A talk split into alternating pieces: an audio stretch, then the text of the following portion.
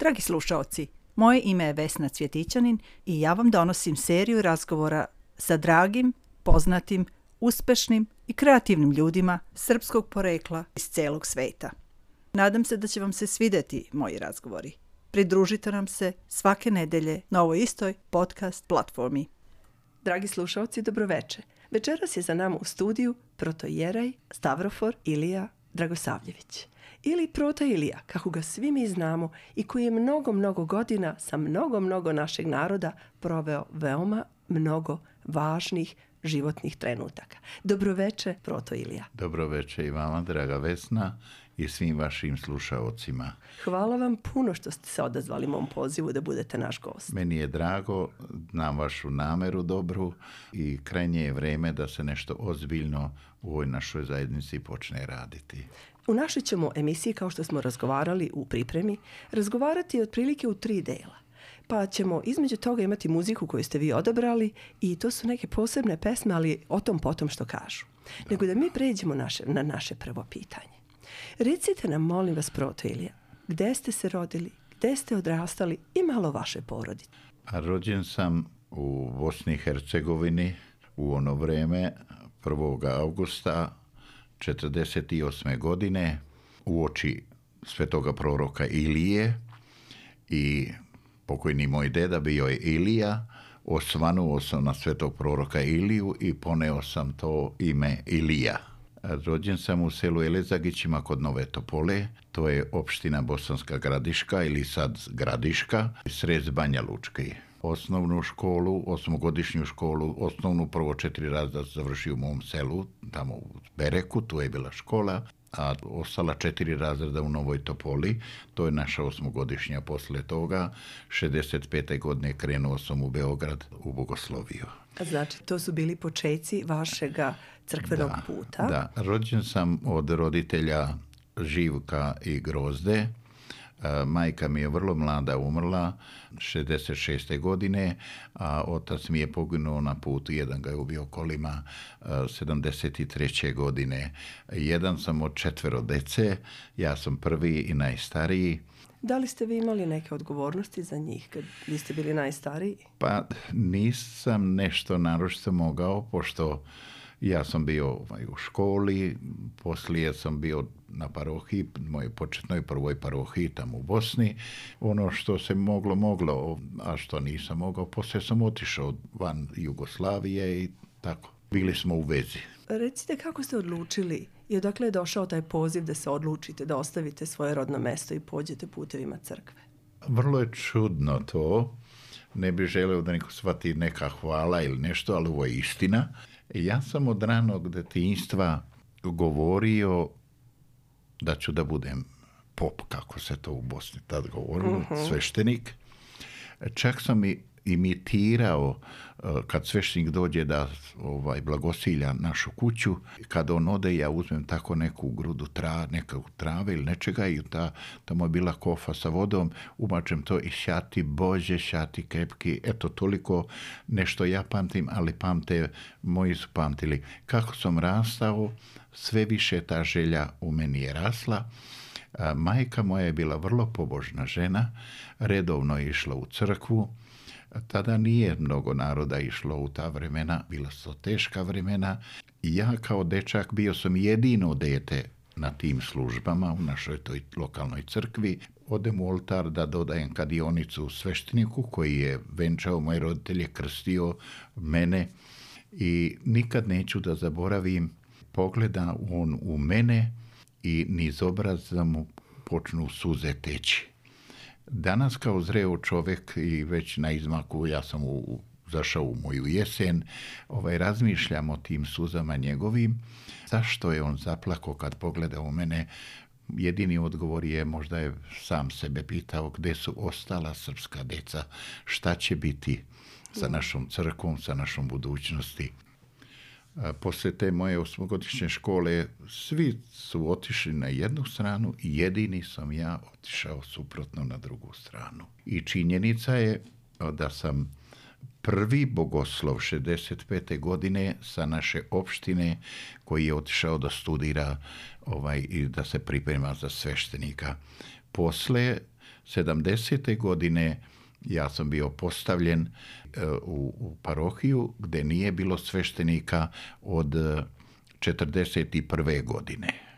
Znači, to je bila velika odgovornost. Da, da. Da li mogu samo da vas, da nekako, ako tako mogu da se izrazim, što kažu da postoji neko zvanje, ili vi zaista osjećate da je to bilo jedno, jedan poziv za vas? Da, da.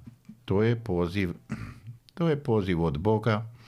Nisu svi za sve, ali kad se obazrem na moj život, kažem od tog ranog detinjstva i gdje je sve prst Božiji ovaj, bio kroz moj život, to je to. I što je najvažnije, ja sam imao mnogo teških momenata kroz moj život, ali što je najvažnije, da se ja nikada, nikada nisam pokajao što sam otišao tim putem, jer smatram da je to moj put Bogom određen.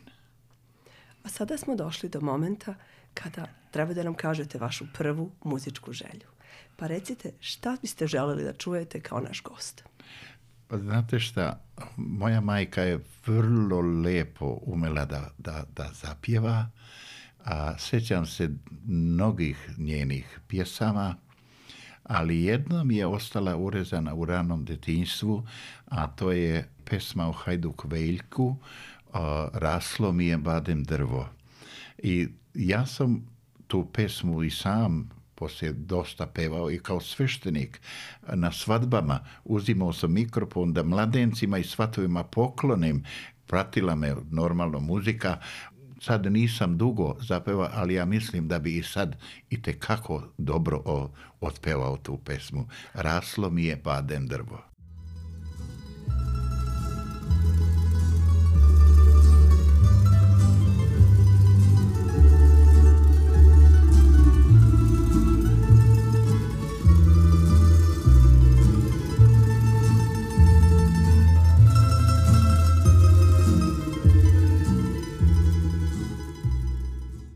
Večeras slušate Srbiju u mom srcu i naš gost je Prota Ilija.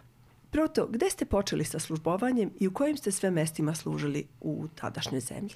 1970. godine, 12. jula Petrovdan, oženio sam moju suprugu, sada protivnicu Smilju i evo 49 godina zajedno koračamo kroz život. Iduće godine dolazi zlatna svadba. Ovaj, pa ćemo da nekako na neki način e, e, da da Bog da dočekamo i to. Odmah posle moje ženidve 2. augusta rukopoložen sam zapravo 26. jula u, u Sabornom hramu Banja Luci u čin Đakona, a 2. augusta vladika pokojni Andrej Frušić rukopoložim u čin sveštenika u selu Slabinji kod Dubice, jer ta je crkva bila srušena za vreme drugog svjetskog rata i onda je opremljena i vladika je došao da osvešta tu crkvu i tu sam ja dobio moj ovaj sveštenički čin. Već u avgustu, 28. augusta, postavljen sam za paroha Gašičkog, to je u namjesnišu Gradiškome, inače to je sve Banja Lučka eparhija. Tu sam službao do marta 74. godine, gdje sam po mojoj molbi i to je vrlo čudno u mom životu bilo. U nekom dobu ja sam se molio za Novi Zeland, da odem za Novi Zeland, to se ispunilo tek kasnije, a o to je duga priča, ali u martu 74. godine postavljen sam od tadašnjega episkopa australijsko-novozelandskog Nikolaja za paroha u Wellingtonu u hramu Svetoga Save i obsluživao sam ceo Novi Zeland, to mi je bila parohija cela, bilo je naši ljudi rasuti, vrlo mala zajednica, ali služio sam koliko, koliko sam mogao, bio sam mlad, voleo sam putovati, ići, sve je to bilo interesantno na svoj način i službovao sam u Wellingtonu do oktobra 79. godine, gdje po mojoj molbi za Australiju, zapravo šta je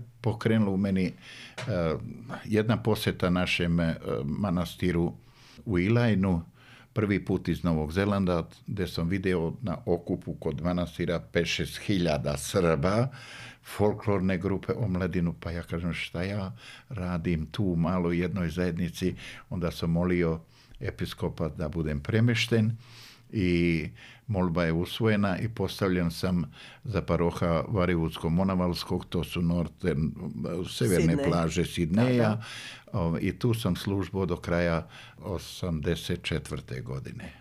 85. godine prvo sam dolazio kad je otac Miroslav posle osvećenja morao da ode iz Kambere, dolazili smo nas trojica, on, otac Ljubko iz Dabta, po jedan put, ja dva puta mesečno i to je ovako preokrenulo sve.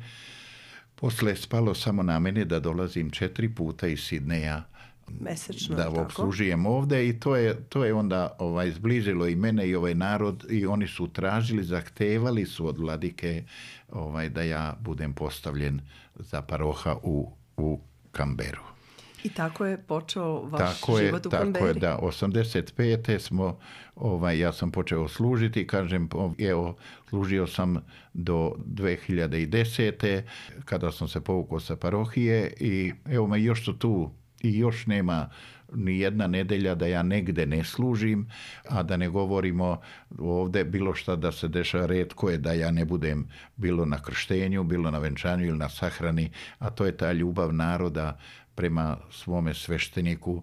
Ja sam ostao tu da živim, moja deca su ovde, dobar deo moga života je Kambera, verovatno ćemo tu i ostaviti naše kosti. Znači nekako što ja čujem iz vašeg, iz vašeg opisa, to je bilo i da ste vi želeli da dođete i da je nekako Kambera i naša zajednica u Kamberi privlačila vas. I evo, toliko ih godina posle, 30 i nešto godina ili 35 godina kasnije, da. još uvek ste tu i želite da budete tu. Da.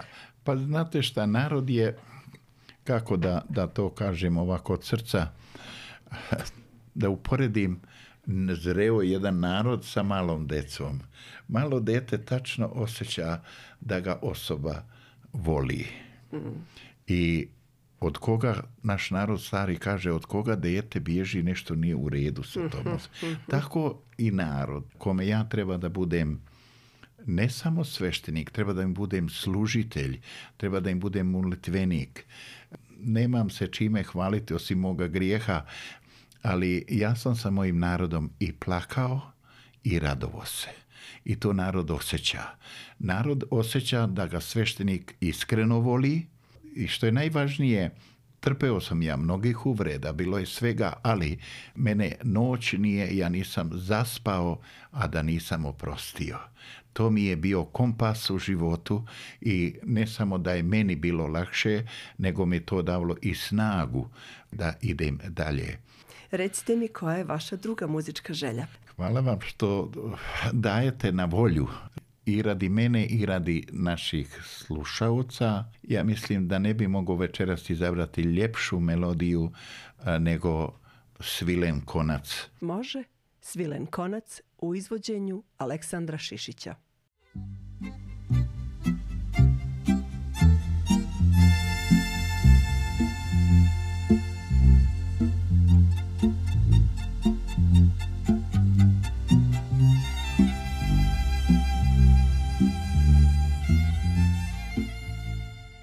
Oče Ilija, recite nam o svojim najlepšim iskustvima u vašem službovanju. Šta vas najviše obraduje i šta ostavi onaj topli osjećaj u vama kad završite službu? Ima toga mnogo ali recimo posle svake službe, bilo naše zajedničke u hramu, bilo u domovima, parohijana, kad vi kao svešteno služitelj imate osjećaj da je vaša molitva primljena od tih koji su oko vas. Ja sam često u mojim propovedima navodio iskustva, kao dete sam slušao naše starije majke, bila sam u crkvi, vratila sam se lagana kao perce.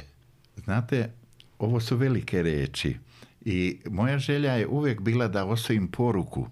Ako si došla ili došao u crkvu, onda moraš znati zašto si došao i da se vratiš, eto, rasterećen od svakodnevnih problema, a niko ne može da kaže da nema ovaj bilo šta kroz svoj život. Znači, kad dođeš u crku, treba da se vratiš laganiji, rasterećen. To sveštenik i duhovnik osjeti ovaj, na, na izrazu lica svojih vernika, bilo propovedi, bilo u razgovoru, a da ne govorimo u domovima gdje sveštenik svakom svojom riječi može da, da, da propoveda, da daje savjet i da odgovara na, na, na mnoga pitanja svoga naroda. Najveće mi je zadovoljstvo je baš to osjećanje. Kad ja, kad ja osjećam da je moja reč pala na dušu i srce onoga kome sluša ovaj, e, to su velika iskustva i velika poznanstva. Jer to su prošle godine, ovaj, našto ovdje u Australiji moga služenja, ovaj, u, u, u Sidneju, a ovdje najveći deo ovaj, moje parohijske službe, 49. godinu, kad im iduće godine bit će 50 godina, proveo sam najduže u Kamberi i zato je Kambera nešto posebno. volim Kamberu, iz dosta razloga. Vi znate vrlo dobro i vi dugo već živite ovdje. Kamberska zajednica je mala zajednica, a dosta je bila razbijena. Pokušava se sada da, da se dođe do, do, do neke sloge jedinstva koliko se može, iako još uvijek postoje izvesni problemi koji dolaze iz nepoznavanja ustrojstva crkve, naše vere pravoslavne i ljudi često puta čine neke greške ili prave probleme tamo gdje i nikada ne bi trebalo da bude. Ali to je ljudsko. Đavo se igra s ljudima i onaj ko pravi problem ili pravi smetnju, on misli da je u pravu, da je to tako, da svi su ostali ovaj pogrešni, samo on u pravu i kad ga đavo potpuno krene s onog puta koji treba da bude i neće da posluša. Nikad neću da zaboravim jednog starog čoveka u mojoj parohiji u Sidneju. Vide on koliko sam se ja trudio u ono vrijeme da privedem svakoga tu crkvi, a bilo je teško ili tamo je bila zajednica podeljena, ali staj mudri starac koga sam ja mnogo voleo i, i cenio, često puta sam volio s njime sedeti i pričati jer sam uvijek nešto naučio. On kaže, dragi oče, šta se ti toliko trudiš, ostavi ga, jer ti ne vidiš da se on ne da ni voditi, ni goniti. I kad razmislite sad o tim rečima, znate, ali opet, opet kako da ostaviš, kako da ostaviš kad ti je dužnost da ga izbaviš? U izvjesnim slučajevima ja vučem sebi, a đavo vuče sebi. Hmm. I zamislite, đavo me nadjača, jer ta osoba neće da pomogne meni, nego pomogne njemu i istrgne mi đavo iz ruke dušu moga vernika. I kako, vas, kako se osjećate kad se tako desi? Vrlo teško. Vrlo teško. Vi ste majka. Kako se vi osjećate kad vaše dijete neće da vas posluša? Tako i ja kao svešteno služitelj, otac, jer sam duhovni otac svima vama. Ovaj, boli. Boli jer mi je teško da ljudi često puta ne mogu osnovne stvari da shvate šta je za njegovo dobro. I za kraj, koju biste poruku želeli da ostavite najmlađim članovima srpske zajednice u Kamberi i Australiji? Pa ja već često puta u raznim prilikama u mojim propovedima naglašavam.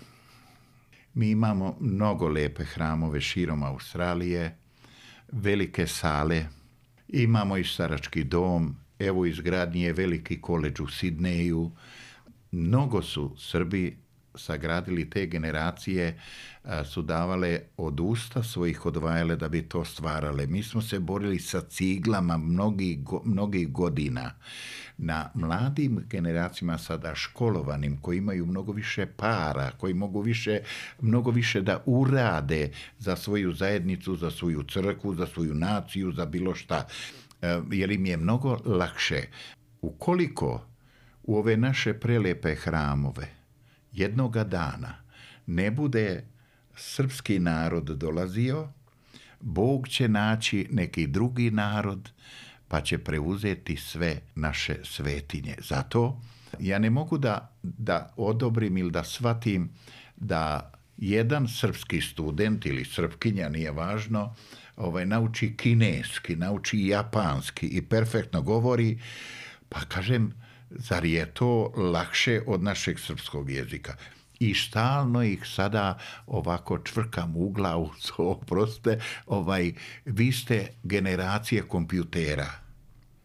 Samo dovoljno da, da malo odete na kompjuter i ukucate ovaj srpska Serbian Church, Serbian Orthodox Church, Serbian Culture, Serbian Folk, Serbian Music, sve ćete naći, ali deco moja, ovo vam je moja očinska poruka, veliki je greh i pred Bogom i pred srpskim narodom da vi odrastete, a najma, još više da svoju decu buduća pogled naučite gde su njihovi koreni, odakle su došli roditelji vaši, ko su vam dedovi i babe.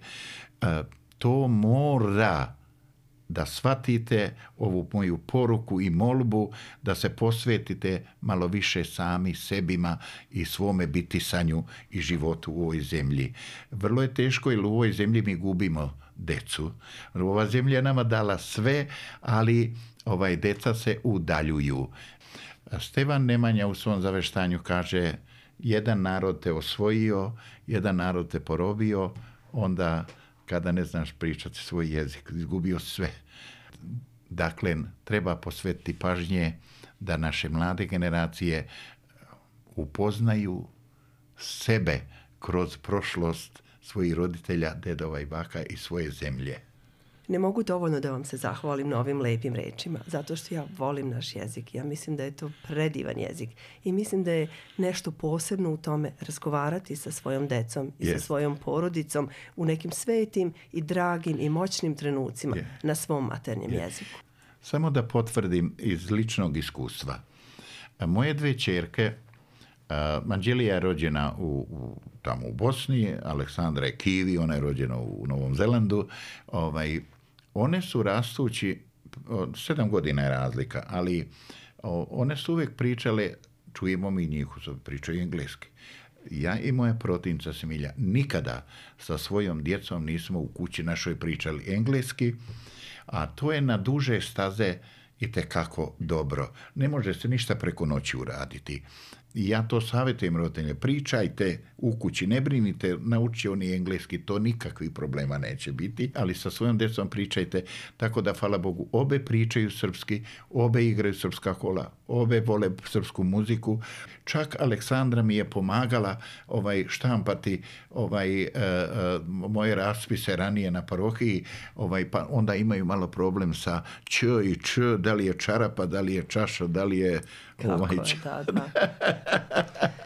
Oče Eto, Ilija. To je moj savjet. Hvala Eto. vam. Hvala vam puno na tome. Dragi slušalci, vi ste slušali još jednu emisiju Srbije u mom srcu. Moje ime je Vesna Cvjetićanin. Ja ću biti sa vama sa novim gostom sljedećeg utorka. A oče Ilija, vi nam za kraj, uz još jedno hvala, recite molim vas koja je treća pesma koju ćemo čuti. Treća je pesma, ajde ovako, iz poštovanja i zahvalnosti prema vama, draga moja Vesna, i prema tvoje cenjoj porodici. Vi dolazite iz Bačke. Jeste. Junačke.